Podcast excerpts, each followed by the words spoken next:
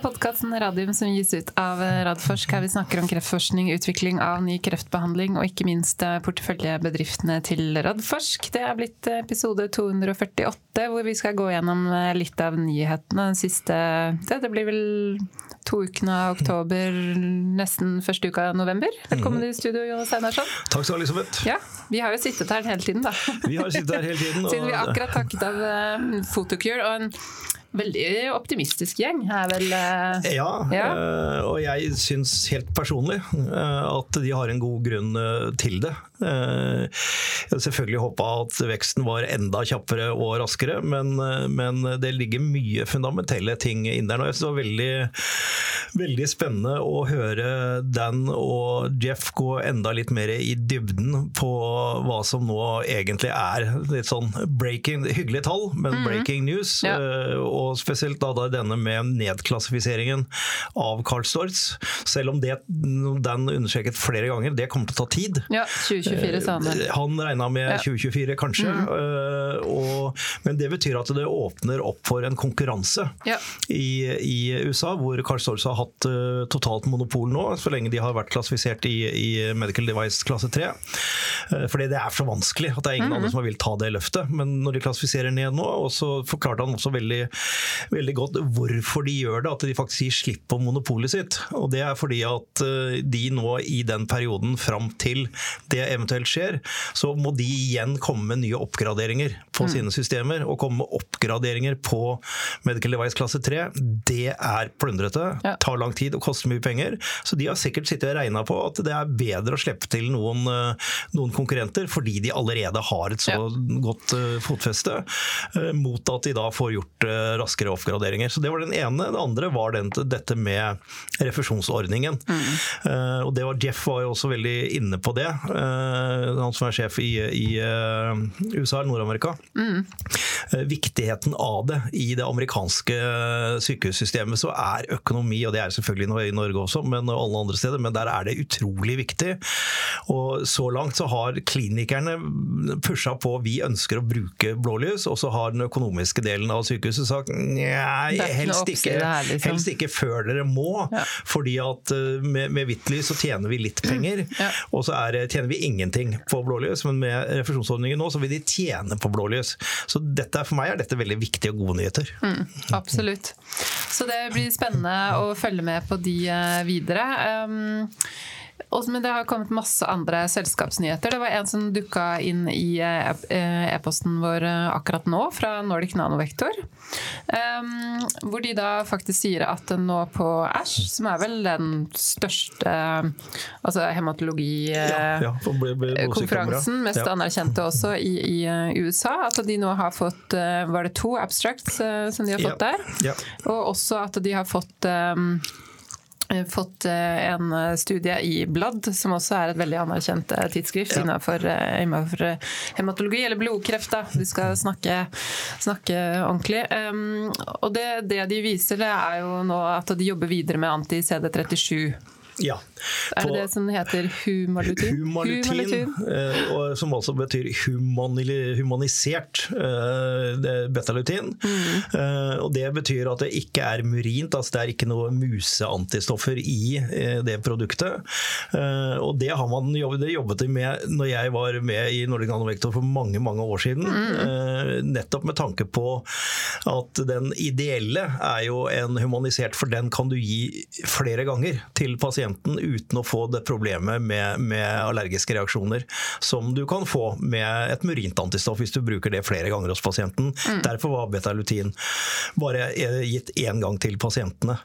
Eh, så det er, det er, kjempespennende, men det er klart, nå er vi i preklinikken igjen. Ja da, Så vi er tilbake der. Vi, vi, eh, det er en lang vei å gå, for, for, all del, men det viser jo at de, at de jobber godt med, med, dette og prøver å lage et grunnlag, og så får vi se hva de klarer å gjøre ut av det, og på hvilken måte de kan kapitalisere på det. Ja. Det, det, vet vi jo ikke. Avtale, emisjon, uh, whatever.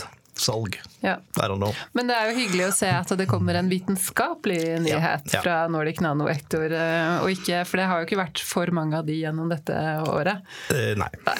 Så vi kan uh, oppsummere med det. Og så ser jeg også at Jostein Dale, som er forskningssjef i Nordic Nanovektor, er sitert i den pressemeldinga på at dette her er jo veldig viktig for de pasientene som ikke har noe effekt av CD20-behandlingen. Ja, det er, potensielt. Det er det som på en måte er eh, ja, Jeg snakket med Jostein bare for noen dager siden, og mm. han var eh, ikke, ikke, ikke, veldig optimist på vegne av selskapet, men han var veldig optimist på vegne av det de, de nå gjorde på den vitenskapelige siden. Ja. Så vi, vi, må liksom ikke glemme det at det ligger noe der. Og det er klart det at de som ikke responderer lenger på CD20, igjen det vi har snakka om tidligere, da er en behandling med CD37. Mm tilbake til CD20 hvis det er mulig. Ja. Altså, det, er, det, er, det man har snakket om ganske lenge. Uh, så gjelder det å, å, å, få det videre, da. Ja. Det, det, er det. Det er det det, alltid gjør. Ja. ja. Um, vi kan gå videre til Targovax. De hadde også sin Q3-presentasjon i dag, der de um, stilte ved, med Erik Digman Wiklund og så um, CFO Luigi Grahl. Og eh, så husker jeg aldri navnet på forskningssjefen. Du må aldri sette meg Nei, fast på navn. Sette, men han hadde en fin ja. presentasjon i forhold til alt det de gjorde på det sirkulære ja. eh, RNA-et, som var veldig spennende å høre på. Mm, men eh, sånn oppsummert nå, så er det vel tre ting de holder på med. Det er Onkos 102, hvor de har fått godkjent av den kliniske studien i, av FDA i fase 2 i melanom. Hvor de da håper å starte opp i 2023. Ja. ja. Eh, og så er det det med det sirkulære RNA, som der er vi tilbake i preklinikken. Ja. Men hvor de mener at de har gjort eh, Eller i hvert fall fått opp noe proof of concept-data. Og så fikk de et spørsmål tror jeg, fra en av lytterne som viste vel at de så vel for seg muligens å gå inn first in man i 2025. Ja. ja. Så det er jo et stykke å gå uansett. Og så er det da til slutt den KORAS-plattformen med altså de modifiserte TG01-vaksinene. Ja. hvor de da skal starte opp studier igjen i Norge i myelomatose, og så i USA i en ikke kjent ja. indikasjon. Eh, og så la jeg merke til at de har jo nå 96 millioner kroner på bok. Ja. Og de fikk jo også et spørsmål fra, det, fra en av lytterne. altså hvordan ser den finansielle siden ut i forhold til å dekke over alle disse tre programmene og alle ambisjonene dere har? Og da ønsker jeg også en kommentar fra deg, Einarsson. Ja, nei, altså, Begynner med de tre programmene deres. så Sirkulære RNA eh, de har helt rett i at det er i ferd med å bli veldig hot. Eh, og så er det egentlig litt enkelt å forstå, fordi mRNA har jo har sin største akilleshæl med at den blir brutt ned så veldig raskt. Mm. Og Hvis de klarer å vise at sirkulær RNA, som biologien skulle tilsi, at det er mye mer stabilt, så vil det kunne være et gjennombrudd for RNA ja. Eh, som sådan. Eh, så det er et hot eh, topic. Det er blitt gjort dealer, i, også pre, preklinisk ja. på dette. Så teoretisk sett så er det absolutt mulig å gjøre en deal på det. Det er den ene måten de kan komme videre på. Mm. Så er det disse to andre som også et, har et bra rasjonale bak seg i det de gjør. Og jeg syns de har vært veldig flinke i forhold til å få softfunding, altså forskningsrådspenger og, og Innovasjon Norge. Og å få disse selskapene som de nå eh, skal samarbeide med, til å bidra med, med sitt. Eh, men de har 96 millioner igjen. Eh, jeg vet jo aldri hvor langt de eventuelt har kommet, men det er jo lite sannsynlig at det lander en svær avtale på sirkulær RNA i løpet av de neste to-tre månedene. Eh, så de har utfordringen med, med emisjonsspøkelset hengende over seg. Mm. Det er det ingen tvil om. Men under der ligger det fundamentale ting, så jeg, jeg håper jo virkelig at de finner en løsning på det. Mm. Ja, for å si, Hvis vi tar bare da ett skritt eh, tilbake igjen, da, sånn er det altså vi snakket litt med, med Photocure om det, altså den usikkerheten som er nå i markedet. Og, og um, hørte så vidt en podkast med, med, Finansavisen, og, som hadde med seg DNB-analytiker Geir Hilder uh, Holom her om dagen. Ja. Og det, altså, biotek har jo Og det er jo sånn som alltid skjer når det er usikre finansielle tider. Da går det utover uh, tech og biotek. Ja, det er ingen tvil om at Biotech worldwide har fått juling så det synger etter. Det, det spesielt det siste halve året. Mm. Så kan man si at trendene peker kanskje litt annerledes nå, spesielt på M&A-siden. Mm. For det er jo, det makrobildet er jo at Big Pharma-selskapene har tjent store penger de, de siste, siste årene. De må sette pengene i ja. arbeid. Ja. Og de, de står de neste tre til fem årene så står de foran et revenue-tap, altså et inntektstap pga. at hele den første bølgen av immunterapier er i ferd med å gå ut på, på patent. Mm. Så de må sikre pipelinen sin. Eh, så jeg har snakket med flere av disse store rådgiverne i, i M&A eh, internasjonalt.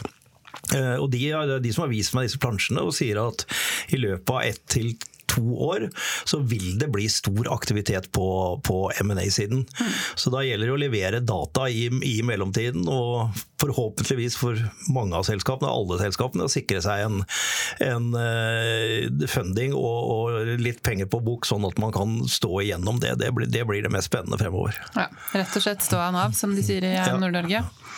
Um, et selskap eh, som ikke plages med at de trenger penger, er jo Nycode Therapeutics. Ja. De har penger på bok.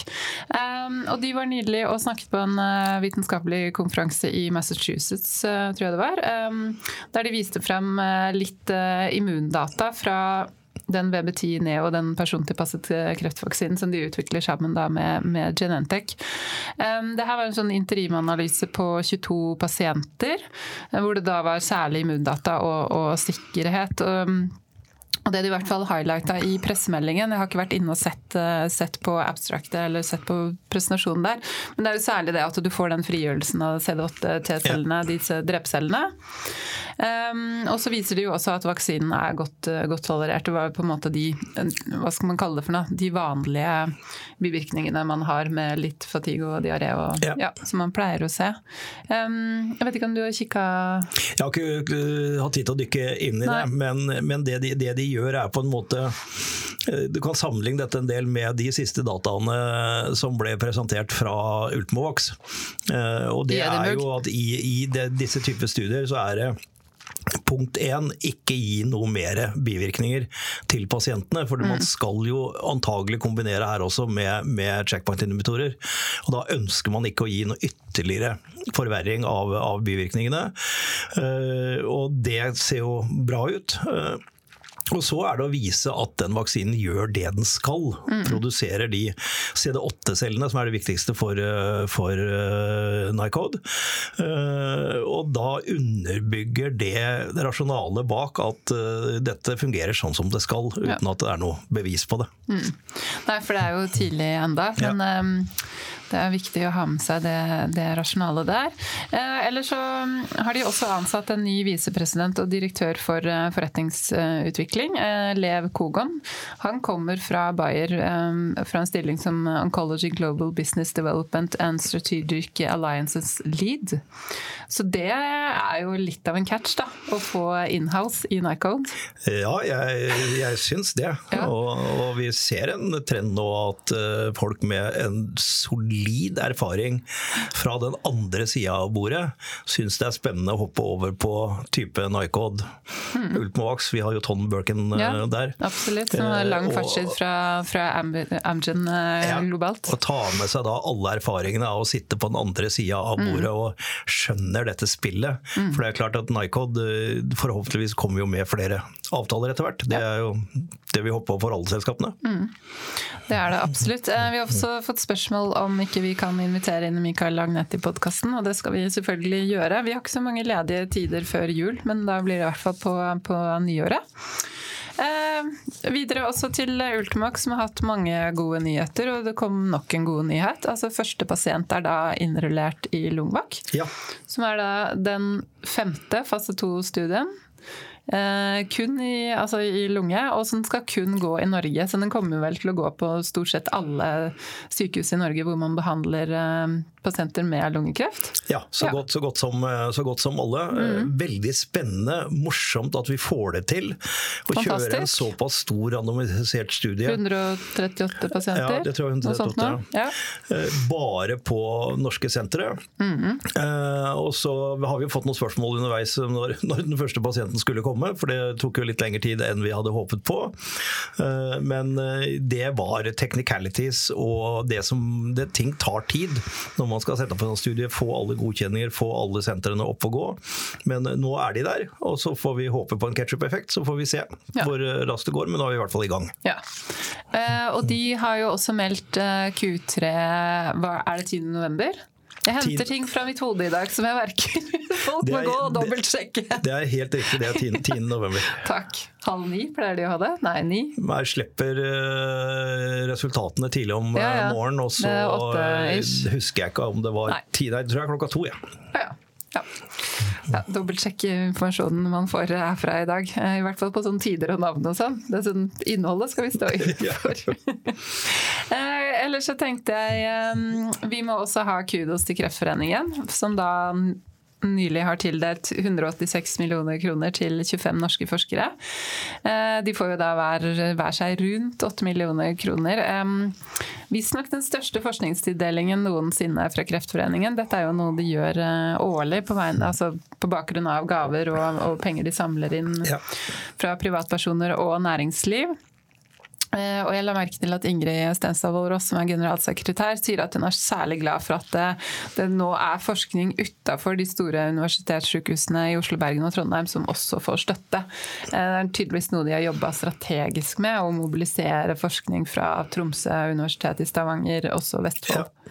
Så det, det, er eh, fantastisk. Jeg har ikke hatt noe tid til å gå inn og se på de forskningsprosjektene, men det er klart det er mye immunterapi. Åtte av prosjektene er ja. mer eller mindre direkte knyttet til ja. Eh, immunterapi. Jeg bare rakk bare å gå igjennom og, og se hvor, hvor, de var. Det var godt spredt, som du sier. Ja, det, det. Det, er, eh, det, er, kjempegøy. Og fantastisk spennende miljøer, så det bare understreker viktigheten av Kreftforeningen. Ja. Uh, ja, all ære til de og den eh, jobben de gjør. og Hvis dere er nysgjerrig på de, på de forskningsprosjektene, så bør gå inn på nettsiden deres, så finner dere den oversikten og litt om hvert eneste prosjekt også, som er lett forståelig. Og så en annen fantastisk hyggelig nyhet er jo da at professor Harald Stenmark, som er professor ved Universitetet i Oslo og jobber som forsker på Institutt for kreftforskning, er blitt tildelt Anders Jares store medisinske pris på 1 million kroner. Og det er en stor anerkjennelse, for dette er en eh, nordisk pris. Det er en nordisk pris, ja. helt riktig. Uh, og det er ikke bare bare å nå opp i det nåløyet der. Og han får det jo da for banebrytende studier av prosesser i cellemembraner, og hvordan feilregulering av sånne prosesser påvirker utvikling av kreft. Noe han har publisert masse på, også i veldig anerkjente tidsskrifter. og også Nature. Jeg. Så jeg så det var um, en haug av gratulasjoner til Harald uh, på Twitter i går. Vel fortjent. Det kommer herfra også. Det er veldig hyggelig at um, en så fantastisk dyktig kreftforsker får den prisen. Det er jeg helt enig i. Det, mm. det, er vel unt og vel helt, helt, riktig på, på sin plass. Ja. Ja. Og til slutt en annen hyggelig nyhet. Eh, det er jo nylig lansert et eh, biotekselskap som heter Aufera. Ikke en del av porteføljen til Radforsk. Er ikke porteføljen til noen ennå? Nei, for dette er egeneiet av de fire gründerne, deriblant professor emerita Inger Sandli, som vi kjenner godt, for hun har sittet i styret til Radforsk i Veldig mange år. Gud vet hvor mange år! altså professor Jan Terje Andersen um, og Torleif Tol Nå husker jeg, Han har to navn. Eh, Tollefsrud Jølberg, uh, forsker. Og ikke minst Simone Mester, som er tidligere elev på Ullern. Yep. Som har vært med og tatt del i det skolefaglige samarbeidet mellom Oslo Cancer Cluster og, og Ullern.